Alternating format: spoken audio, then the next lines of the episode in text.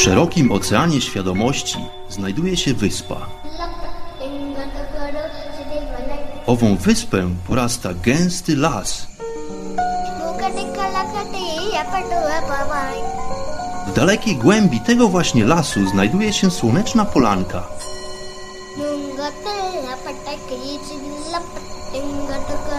Przy tej oto polance w gorących promieniach słońca stoi sobie pewna magiczna chata.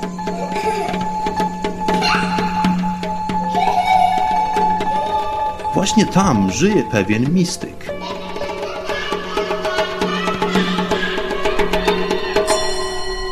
Mam na imię Bart i zapraszam wszystkich serdecznie do wysłuchania programu Chata Mistyka.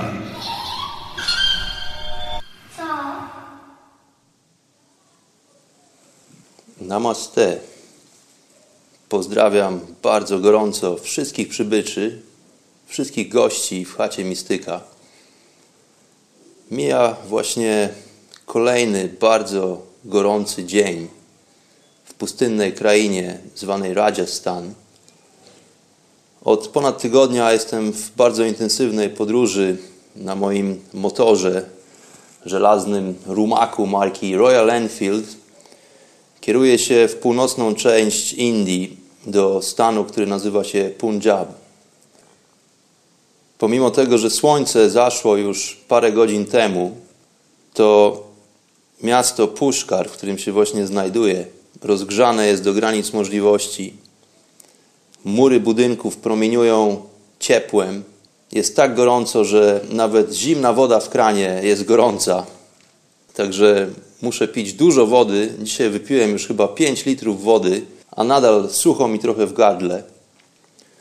Puszkar to miejsce bardzo lubiane przeze mnie, o wspaniałych walorach duchowych, dla niektórych również walorach religijnych. Jest to moja druga już podczas tej podróży wizyta w tym miejscu. Ostatnim razem byłem tutaj trzy miesiące temu, w okolicach Nowego Roku. No teraz kierując się na północ Indii, znowu postanowiłem zatrzymać się tutaj na chwilę, dlatego że przez parę ostatnich dni podróżowałem dosyć intensywnie. Rajasthan to pustynna kraina, gdzie gorące słońce bezlitośnie odciskuje swoje piętno nie tylko na roślinności, ale również na lokalnych zwierzętach.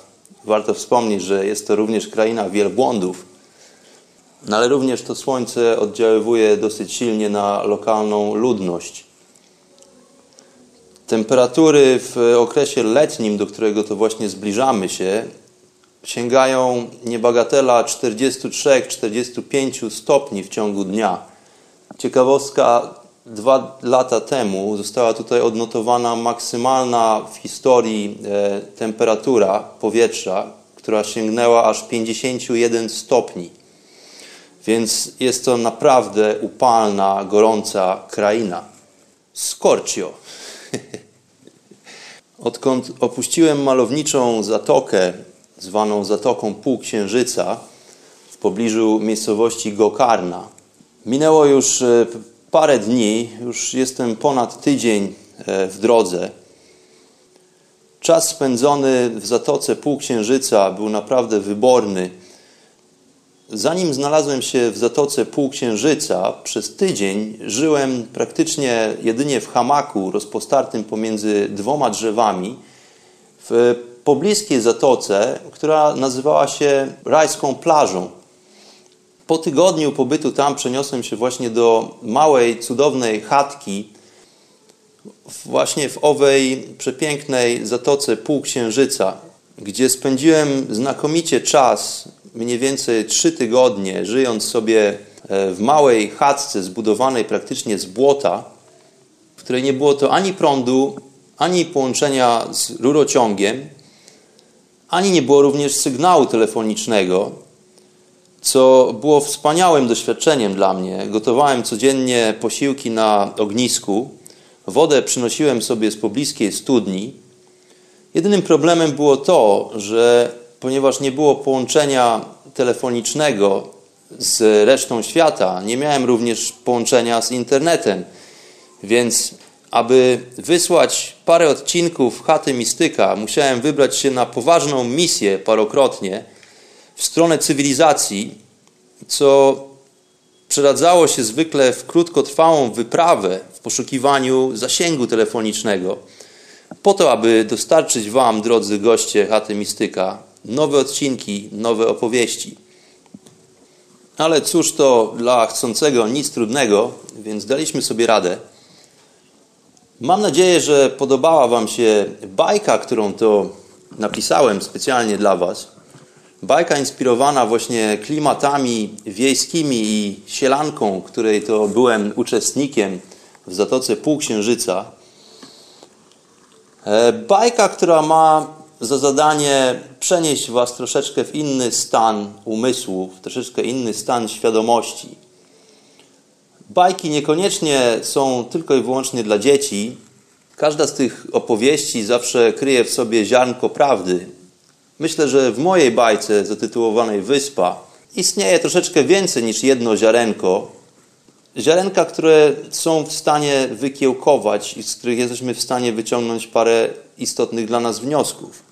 Czasami po prostu warto trochę spuścić z tonu i zamienić całą tą naszą codzienną powagę po prostu w lekkość i troszeczkę inny stan umysłu.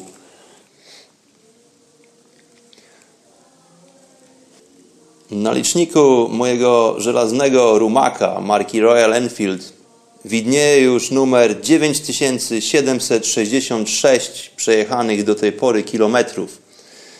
Także odkąd ostatnim razem podawałem Wam przybliżoną e, informację na temat przejechanych przeze mnie kilometrów, gdzie zanotowałem około 7,5 tysiąca, no wydarzyło się dosyć sporo. Odkąd opuściłem Gokarnę i Zatokę Półksiężyca, byłem w bardzo, bardzo intensywnej podróży, praktycznie codziennie na motorze. Pokonywałem kilometry, przemieszczając się na północ. Po drodze udało mi się otrzeć ponownie o stan, który nazywa się Goa. Stan, który odwiedzany jest przez e, barwne postacie pojawiające się w tym miejscu z różnych części naszego globu. Miejsce bardzo dynamiczne, przepełnione wspaniałymi, uśmiechniętymi postaciami. Miejsce, w którym każdy może znaleźć coś dla siebie. Udało mi się nawet wziąć udział w pewnym wydarzeniu, w którym to dubowy sound system produkował przepiękne linie basowe. Uwielbiam muzykę dub. Jest to muzyka, która jest bardzo bliska memu sercu. Dlatego, że po pierwsze muzyka inspirowana kulturą jamańską, gdzie również jestem stałym bywalcem już od ponad dekady. Oprócz tego jest to właśnie tego rodzaju muzyka, która głównie skupia się na rytmie i na linii basowej, nie tyle na tekstach i na lirykach. Więc jest to muzyka, która bezpośrednio trafia do mojego gustu. Także przepiękny spektakl dubowy, impreza, która odbywała się w ciągu dnia pośród e, przepięknych drzew kokosowych, tuż przy plaży, nad oceanem.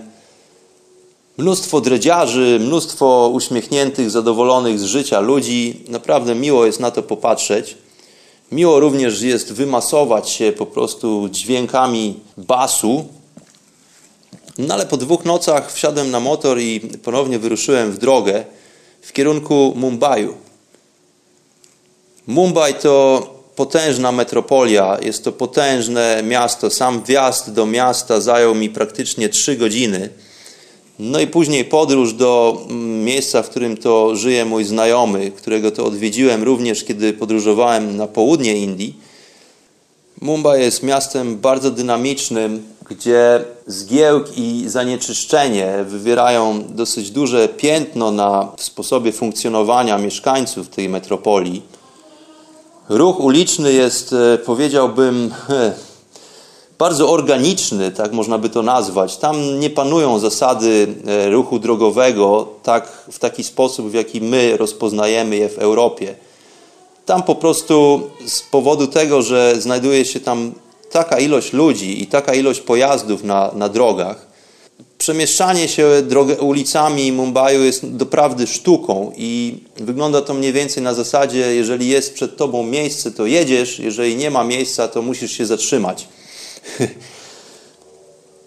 Oprócz tego nieprawdopodobny kontrast, dlatego że oprócz e, tego, że Mumbai jest miastem przemysłowym, istnieje tam również przemysł e, filmowy, znajduje się dzielnica, która nazywana jest Bollywoodem na wzór amerykańskiego Hollywoodu, czyli jest to miejsce, w którym produkowanych jest mnóstwo programów telewizyjnych i również filmów.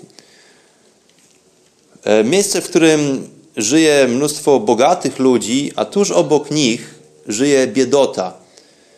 Jest to niesamowity kontrast, gdzie pomiędzy bogatymi domostwami, posesjami znajdują się dzielnice slumsów, gdzie ludzie żyją praktycznie na ulicy. Życie tych ludzi w jakiś dziwny sposób odbywa się równolegle.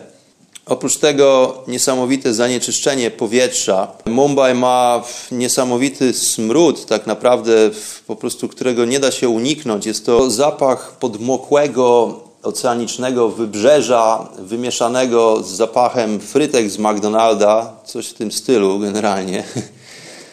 No i oczywiście rozkładających się wszemi wobec śmieci Musiałem tam pobyć parę dni z tego względu, żeby zorganizować sobie parę rzeczy. Motor również e, musiał trafić do warsztatu ponownie, no dlatego że już e, na liczniku tyle kilometrów po prostu mechaniczna maszyna ma prawo się psuć i niektóre rzeczy trzeba w niej było powymieniać. No ale udało się wszystko dosyć sprawnie, udało mi się opuścić Mumbai. Po paru setkach kilometrów przejechanych tego dnia zatrzymałem się już wieczorem e, w małej rybackiej wiosce, którą to znalazłem sobie uprzednio na mapie. Wydawało mi się, że będzie tam fajna plaża, aczkolwiek e, troszeczkę byłem zaskoczony, kiedy przyjechałem tam. Okazało się, że wybrzeże jest bardzo, bardzo szerokie i tak naprawdę do oceanu po prostu jest parę kilometrów. Mm, dlatego że był dosyć spory odpływ. Miejsce dosyć dziwne. E, napotkałem tam grupę młodzieńców, którzy to raźnie wieczorem popijali sobie e, whisky. Bardzo byli zaaferowani moim przybyciem. E, niespodzianka okazało się, że jeden z owych młodzieńców dosyć dobrze mówił po angielsku. Okazało się, że zwykł pracować na statku kruzerskim no i zwiedził, zwiedził już tym samym kawał świata. Zawitał również do Polski w pewnym momencie. Nie pamiętał dokładnie, w którym mieście był, no aczkolwiek musi być to jedno z miast wybrzeża. Także chłopak ten służył jako tłumacz. Posiedziałem chwilę z lekko pijanym zgromadzeniem, dlatego że bardzo łaknęli wiedzy na temat mojego pochodzenia i mm, celu mojej wędrówki. No i spędziłem kolejną noc w hamaku. Mm, kolejnego dnia udało mi się przejechać rekordowe 600 km w przeciągu jednego dnia. Niestety motor pod koniec podróży ponownie zaczął odmawiać posłuszeństwa. Ostatnie 100 km no, było dosyć bolesne, aczkolwiek udało mi się dociągnąć maszynę do miasta Udaipur, w którym to spędziłem kolejną noc i, i o poranku powolutku zaprowadziłem motor do warsztatu, który tu znalazłem na mapie, aczkolwiek okazało się, że warsztat jest zamknięty. W tym momencie uprzytomniłem sobie, że wszystkie sklepy właściwie dookoła dziwnym trafem wydają się być pozamykane. No i cóż, okazało się, że cały kraj jest po prostu na strajku. Odbywał się właśnie strajk związany z problemem e, kastowości, czyli kast w Indiach. To wszystko ma e, związek z wyborami. Historia dla mnie nowa, aczkolwiek okazało się, że niektóre kasty w Indiach nie mają przywileju głosowania w wyborach. No i stąd właśnie owy strajk. Na szczęście udało mi się znaleźć warsztat, który był na pół otwarty, na pół zamknięty. Właściciel warsztatu e, nie był jeszcze do końca przekonany, czy tego dnia będzie pracował, czy nie udało mi się ubłagać go, aby e, zajął się maszyną. No i po paru godzinach znowu byłem na drodze. Kolejne 300 kilometrów przejechanych tego dnia przepiękne, naprawdę przepiękne, cudne trasy widowiskowe w Rajasthanie. Bardzo lubię jeździć w Rajasthanie, dlatego że stan nawierzchni dróg jest e, dosyć dobry, o dziwo. Jest dosyć niewielki ruch samochodowy. Pojawiają się tylko nadużyte, pordzewiałe, stare ciężarówki, na które trzeba bacznie uważać. Ale pomimo niefortunnych kierowców, starych ciężarówek i kurzu na drodze, jazda po autostradach w Rajasthanie jest dla mnie przynajmniej naprawdę przyjemnością. No jestem, dotarłem do Puszkaru, jestem tu i teraz. Dzisiejszy odcinek, moi kochani, zatytułowany jest Tu i teraz.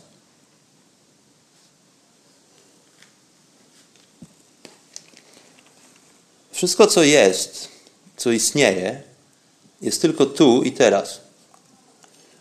Kiedy mówimy tu i teraz, mówimy o czasie i przestrzeni. Wszystko, co istnieje w fizycznym wymiarze, jest ściśle zależne od czasu i przestrzeni. Czas i przestrzeń to właściwie jedno. Czas nie może istnieć bez przestrzeni i na odwrót. Przestrzeń nie może istnieć bez czasu. Jest tylko czaso-przestrzeń. A gdzie jest owa czasoprzestrzeń? Okazuje się, że istnieje ona tylko w naszych umysłach. To jest sposób pojmowania świata przedmiotów przez nasz umysł. Jest to, innymi słowy, nasza osobista, bardzo subiektywna percepcja świata. Czas tak naprawdę nie istnieje. Nie ma też lokalizacji. Całe stworzenie po prostu jest, jakie jest i nie potrzebuje żadnej interpretacji. Zjawiska w naturze są, jakie są, ani dobre, ani złe. Nie ma rzeczy przydatnych czy nieprzydatnych. Natura działa na zasadzie selekcji. Trwa tylko to, co jest w swojej najdoskonalszej, potrzebnej do istnienia formie. Więc to nie jest kwestia tego, czy coś jest dobre, czy złe, ale raczej sprawa tego, czy coś działa, czy też nie działa. Jeżeli, dajmy na to, tygrys upoluje kozę, to nie jest to ani dobre, ani złe. Taka jest po prostu kolej rzeczy. To tylko nasz umysł kreuje sobie pojęcia dobro czy zło. Mechanizm tego zwykle jest taki. Widzę tygrysa z zębami, ok? Widzę kuskę, która się pasie na łące. Za chwilę cap, skowyt kozy, krew się leje, koza nie żyje. Tygrys pożera jej tkankę. Hm. Tu zgromadzony przez umysł materiał jest przetwarzany, analizowany. Umysł wysuwa sobie wnioski. Pojawia się również strach Wyobraźnia na podstawie zgromadzonych obrazów wytwarza abstrakcyjną myśl. To mogłem być ja. Moje ciało, a nie ciało kozy. Rozszarpywane na strzępy, prawda? Myśl ta abstrakcyjna, czyli nie mająca nic wspólnego z rzeczywistą sytuacją, ale na bazie zgromadzonych przesłanek następuje pewnego rodzaju modyfikacja postrzeganego zjawiska. I tu na końcu informacja, aby mogła zostać zachowana w bazie pamięci, czyli w naszym twardym dysku, w naszym mózgu, jest kodowana. I kod brzmi: Tygrys jest zły. Jak następnym razem zobaczysz tygrysa, to uciekaj. Na to, co się tak naprawdę wydarzyło, to tygrys był głodny, tygrys żywi się mięsem innych zwierząt, tygrys zabił, aby zjeść. Prawda? Nie tak jak niektórzy ludzie, dajmy na to, dlatego że my jesteśmy jedynym gatunkiem na tej planecie, który decyduje się zabić nie tylko po to, aby zjeść czasami. Czasami polujemy tylko po to, aby nabrać satysfakcji lub też uzyskać jakiś prestiż, na przykład w wiosce, albo pozyskać jakieś trofeum, no ale powróćmy do naszej czasoprzestrzeni. Jeżeli nie ma czasu i nie ma przestrzeni, tam nie ma też kwestii stworzenia. Wszystko jest tylko tu i teraz. To oznacza, że czas i przestrzeń to tylko twór naszego umysłu. Podobnie jak tworzymy nasze ciała podczas naszej egzystencji, ciało fizyczne to tylko kumulacja substancji pochodzących z naszego środowiska, czyli planety Ziemia. Podobnie jak tworzymy nasz umysł, czyli budujemy system operacyjny dla naszej bazy danych, wszystko oparte na doświadczeniach, które gromadzimy podczas życia. Tak samo równolegle do tych tworów kreujemy sobie percepcję czasu i przestrzeni. Czy to oznacza, że czasoprzestrzeń nie istnieje? No nie do końca. Tu można by powiedzieć, że stworzenie jako byt doskonały nie sugeruje się zależnością od czasu i przestrzeni. W eterze czy akash, jak to nazywane jest w sanskrycie, w pustce, która jest stanem przeciwnym do stanu istnienia świata materialnego, nie ma czasu, jest tylko wieczność. Czyli pojawia się aspekt nieograniczoności. Wieczność, czyli nie można jej poporcjować. Tak samo nie ma tam formy fizycznej, czyli nie istnieje geometria, więc nie ma też problemu miejsca czy przestrzeni. Ale tutaj, w świecie materii, w świecie formy, pojawiają się zależności. Ale te zależności pojawiają się tylko i wyłącznie w naszym umyśle, w naszym systemie operacyjnym, który ma umożliwić nam przetrwanie ciała fizycznego w tym środowisku, ale ze względu na swój schemat funkcjonowania, ten umysł sprawia nam również bardzo dużo trudności. Ciężko jest umysłowi wznieść się ponad to, co zakodowane w bazie danych, czyli to, co wykracza poza nasze doświadczenie, poza naszą własną subiektywną interpretację. Mówiąc trochę prościej, aby ogarnąć sobie intelektem środowisko, w którym się znaleźliśmy, tworzymy sobie logiczne schematy, które przejawiają się jako czas i przestrzeń. Ale to jest wytwór naszego umysłu. Bardzo subiektywny na dodatek wytwór. Przeszłość ani przyszłość nas nie dotyczą. Bo co to jest tak naprawdę przeszłość, co to jest przyszłość? Przeszłość to jest tylko forma pamięci nagromadzonej w naszej bazie danych. Czyli jeżeli ja w jakiś sposób będę w stanie zmodyfikować informację, która tkwi w Twoim mózgu, to jestem tym samym w stanie zmienić wrażenie o Twojej przeszłości, prawda? My wierzymy w to, że przebyliśmy doświadczenia, które nagromadzone są w naszym umyśle w postaci bazy danych, w postaci zakodowanej informacji. Ale czy to tak naprawdę się wydarzyło, to można by poddać wątpliwość. Więc my pamiętamy historię, pamiętamy doświadczenia, ale zapisane one są w bardzo subiektywny dla nas sposób. My pamiętamy tylko to, w jaki sposób zdołaliśmy zachować tą informację o danym wydarzeniu, a nie pamiętamy sam fenomen w rzeczy samej. Jest to tylko i wyłącznie nasza subiektywna interpretacja tego, co wydaje nam się, że się wydarzyło. No i podobnie z przyszłością. Przyszłość również nas nie dotyczy, dlatego że przyszłość jeszcze nie nastąpiła. Nasza wyobraźnia może podsunąć nam wnioski, które zbudowane są na bazie doświadczeń, które zgromadziliśmy w przeszłości, i w wyniku interpretacji tych doświadczeń, które nagromadziliśmy do tej pory, wyobrażamy sobie, jak rzeczy mogą nastąpić, jak pewne fenomeny mogą ukazać się w przyszłości. Ale jest to tylko i wyłącznie spekulacja. Być może w większości przypadków mamy wrażenie, że owe spekulacje potwierdzają się, że mają jakieś, jakąś gruntowną bazę podług naszych oczekiwań, ale nadal jest to tylko i wyłącznie spekulacja na temat przyszłości. My nie wiemy, co tak naprawdę przyniesie nam przyszłość. Więc liczy się tylko tu i teraz. Liczy się tylko i wyłącznie teraźniejszość.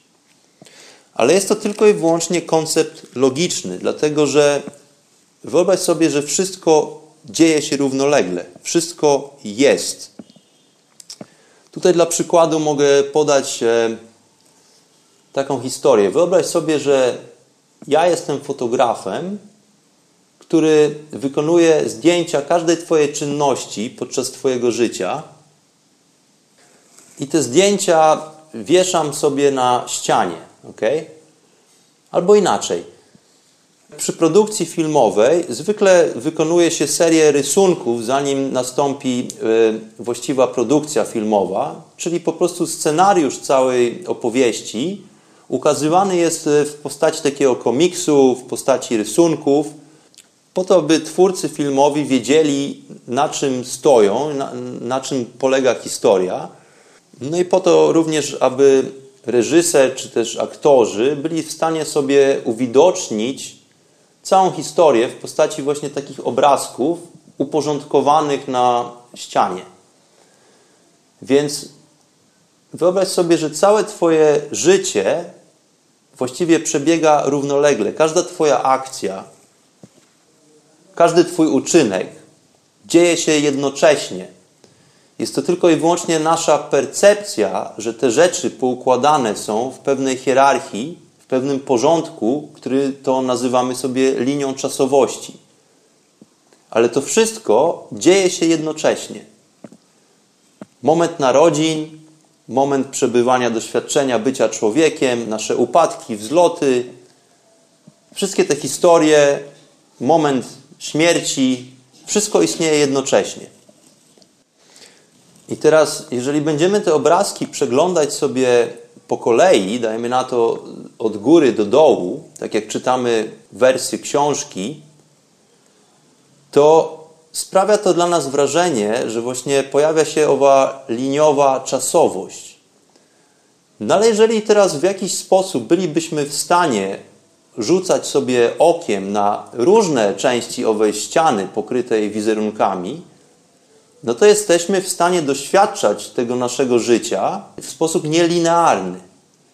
No i tutaj można by powiedzieć, że jest to swego rodzaju podróżowanie w czasie. Jeżeli mamy umiejętność do, do, doświadczania tych poszczególnych bloczków, z których składa się cała historia naszego życia, ale nie w porządku czasowym, w porządku linearnym, no to jesteśmy podróżnikami w czasie właściwie.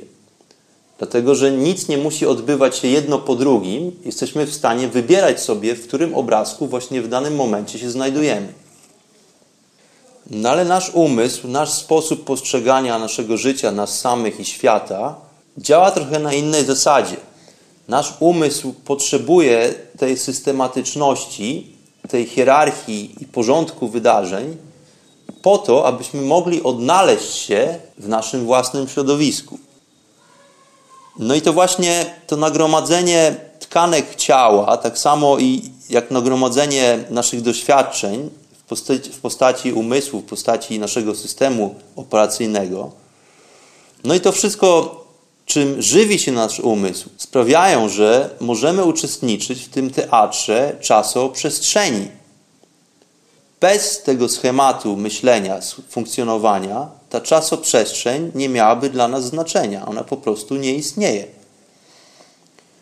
W dzisiejszych czasach fizycy starają się uporać z fenomenem tzw. Tak czarnych dziur, gdzie to, co wydaje się kompletną próżnią, charakteryzuje się potężną dynamiką i przepełnione jest siłami stwórczymi.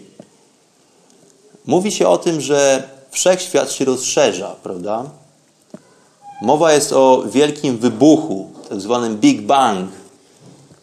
No moim zdaniem nazwa Big Bang jest dosyć niefortunna. Dlaczego?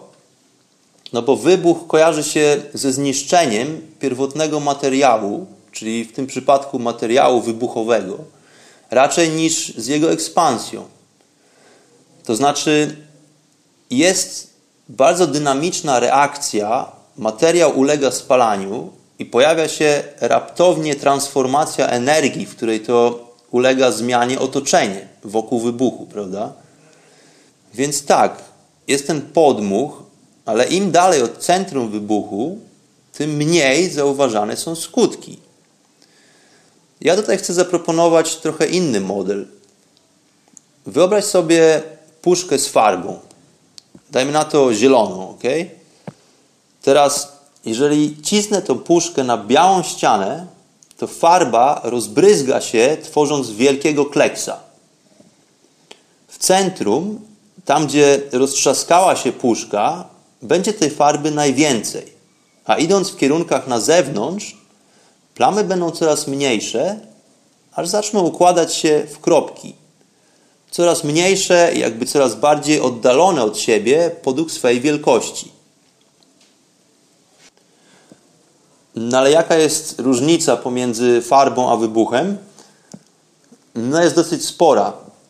W wybuchu początkowy materiał ulega zniszczeniu czy też transformacji.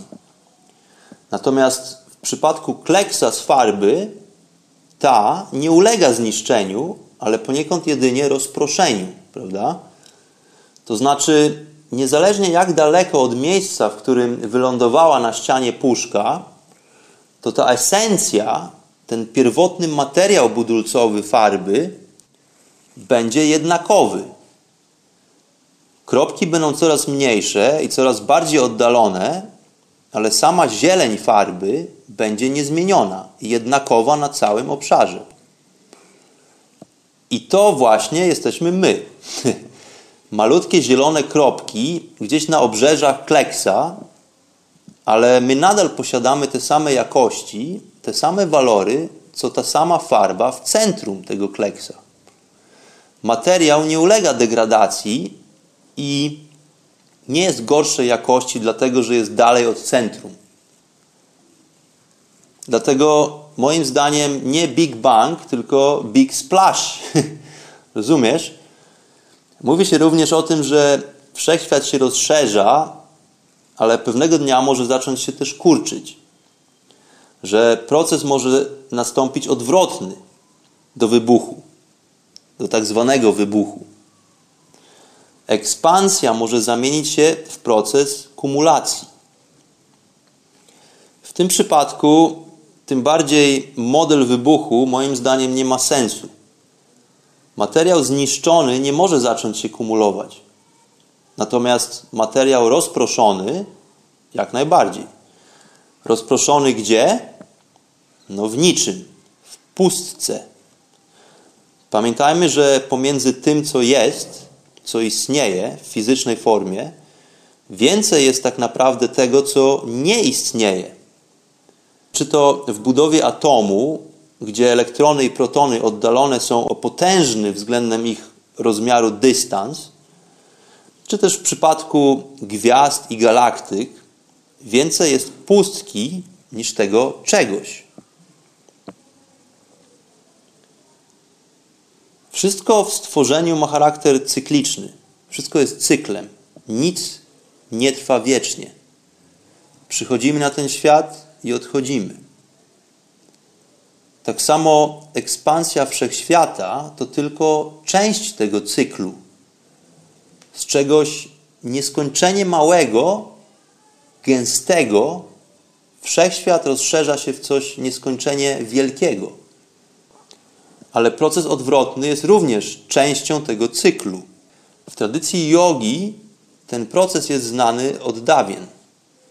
Kiedy mowa jest o nirwanie, mokszy czy szuni, to właśnie chodzi o ten całościowy cykl, o ten drugi aspekt, odwrotny do ekspansji, do rozszerzania, do kreacji. Pochodzisz od nicości, stałeś się czymś. No jeśli zatoczysz krąg, to znowu obrócisz się w nic. Absolutne zero. Słowo szunia oznacza właśnie zero. Jest to taki koncept logiczny, który wywodzi się ze starożytnych Indii. Stan niebytu, ale pomimo to stan niezbędny do funkcjonowania bytu. Dlatego, że bez zera niemożliwa byłaby arytmetyka. Nie bylibyśmy w stanie po prostu liczyć. Szunia to również jest praktyka medytacyjna, którą ja sam wykonuję dwa razy dziennie. Jest to takie dopełnienie moich porannych praktyk jogi. Oprócz tego, że rano wykonuję praktyki hatha jogi i kriye, czyli pracę z wewnętrzną energią życia, to oprócz tego dwa razy dziennie siadam na 15 minut po to, aby robić po prostu nic. Po prostu, aby wytrenować umysł i wziąć nad nim kontrolę i przez te 15 minut dosłownie nic nie robić. To pozornie sprawa jest łatwa, ale jednak nie aż tak prosta. Dlatego, że umysł zawsze się buntuje, bo nie jest przyzwyczajony do trybu nic nie robienia. Zresztą jest to również problem kulturowy, dlatego że szczególnie w krajach e, świata zachodniego nic nie robienie uważane jest za stratę czasu. Dlatego, że my przywykliśmy do tego mechanizmu podążania pracy, bycia produktywnym i osiągania celów dla jakichś e, właścicieli korporacji po to, aby pomnożyć ich pieniądze. Natomiast e, wydaje nam się, że relaks, odpoczynek, cisza i medytacja jest to po prostu strata czasu. A zapominamy o tym, że jest to bardzo istotny aspekt naszego życia, naszego doświadczenia bycia człowiekiem.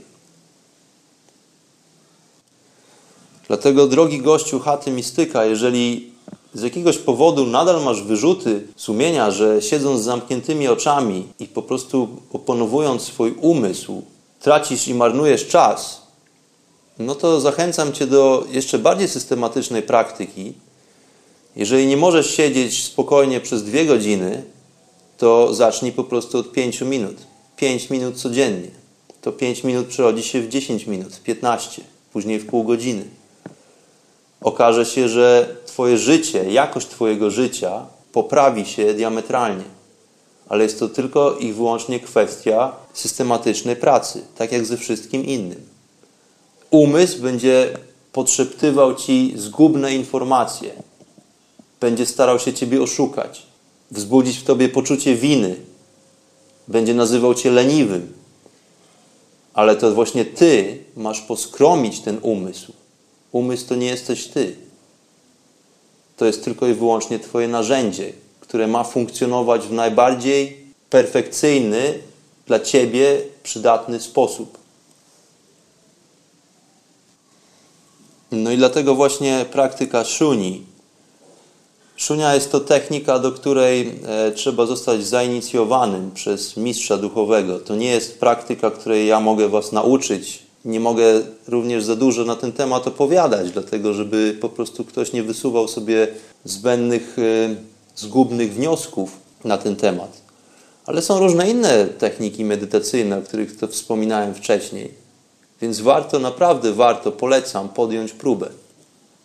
Systematyczna praca umożliwia odbycie podróży w hiperprzestrzeń umożliwia znalezienie się w stanie czy też wymiarze bez geometrii, bez przynależności czy uwarunkowań takich jak cielesność, lokalizacja czy nawet płeć. Te wszystkie rzeczy nie mają znaczenia. To właśnie tutaj, w takim stanie, powoli zaczynamy odklejać się od ciała i od umysłu. Nie jestem tym ciałem, nie jestem nawet tym umysłem. To jest moje ciało, to jest mój umysł, one do mnie należą, ale to nie jestem ja. Jestem jednością, jestem kosmosem, jestem energią, która bierze udział w grze zwanej ludzkim doświadczeniem. Więc dokąd zmierzamy? Kiedy cała podróż się kończy, to jest właściwie koniec gry. My wiecznie się poruszamy, chcemy dokądś dotrzeć, coś osiągnąć. Ale tam, gdzie zmierzamy, nie ma już drogi. Tam nie ma przestrzeni, nie ma przestrzeni, więc nie ma też czasu. Mówimy tu i teraz. Ale to jest tylko terminologia fizyczna, nie duchowa. Takimi pojęciami posługują się fizycy, a nie ludzie, którzy praktykują procesy duchowe. Procesie duchowym w sposób transcendentalny usiłujemy wznieść się ponad tu i teraz. Dlatego również pojęcie drogi duchowej moim zdaniem nie jest zbyt fortunne, dlatego że nie jest to droga. Do przebycia drogi potrzebujesz punkt wyjścia i punkt dotarcia, punkt A i punkt B. Procesach duchowych to tak naprawdę nie jest droga. Jest to przebłysk. Jest to mikroułamek sekundy i doznajesz olśnienia, uprzytomnienia. Więc nie jest to droga, którą można przebyć, w której możesz się zatrzymać w połowie, odpocząć, odsapnąć, pójść dalej. To jest tylko i wyłącznie terminologia językowa. Wstąpienie na drogę duchową. My w ten sposób określamy to, w ten sposób to nazywamy, ale to tak naprawdę nie jest droga związana z dystansem. Tam, gdzie nie ma już czasu i przestrzeni, tam nie ma również miejsca. Tam nie ma również miejsca dla ciebie samego. Miejsca fizycznego. To po prostu oznacza, że przestajesz egzystować. Czyli przestajesz być w tej cielesnej, fizycznej formie. Więc dokąd zmierzasz? Jaki jest cel tej wędrówki? No, zmierzasz donikąd. Tam, gdzie nie ma już zmierzania, gdzie nie ma już podróży. To jest właśnie absolutne wyzwolenie.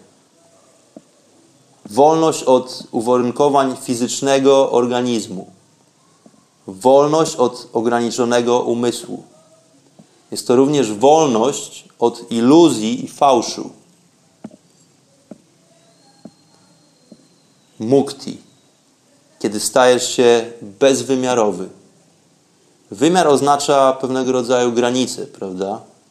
Natomiast mukti oznacza, że nie ma już granicy, nie ma już zniewolenia, jest tylko to, co nie istnieje. Pustka, cisza, wieczność.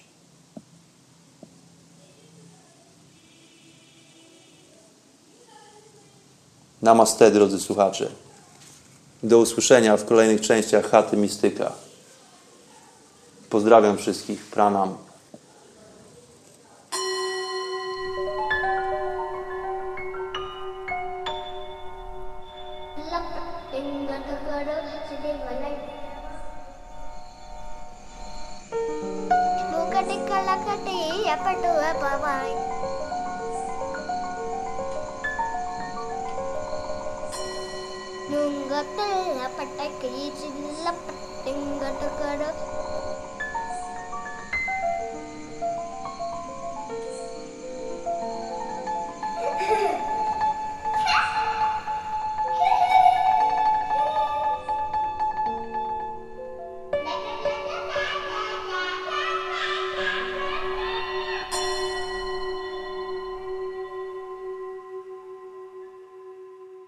Chata Mistyka.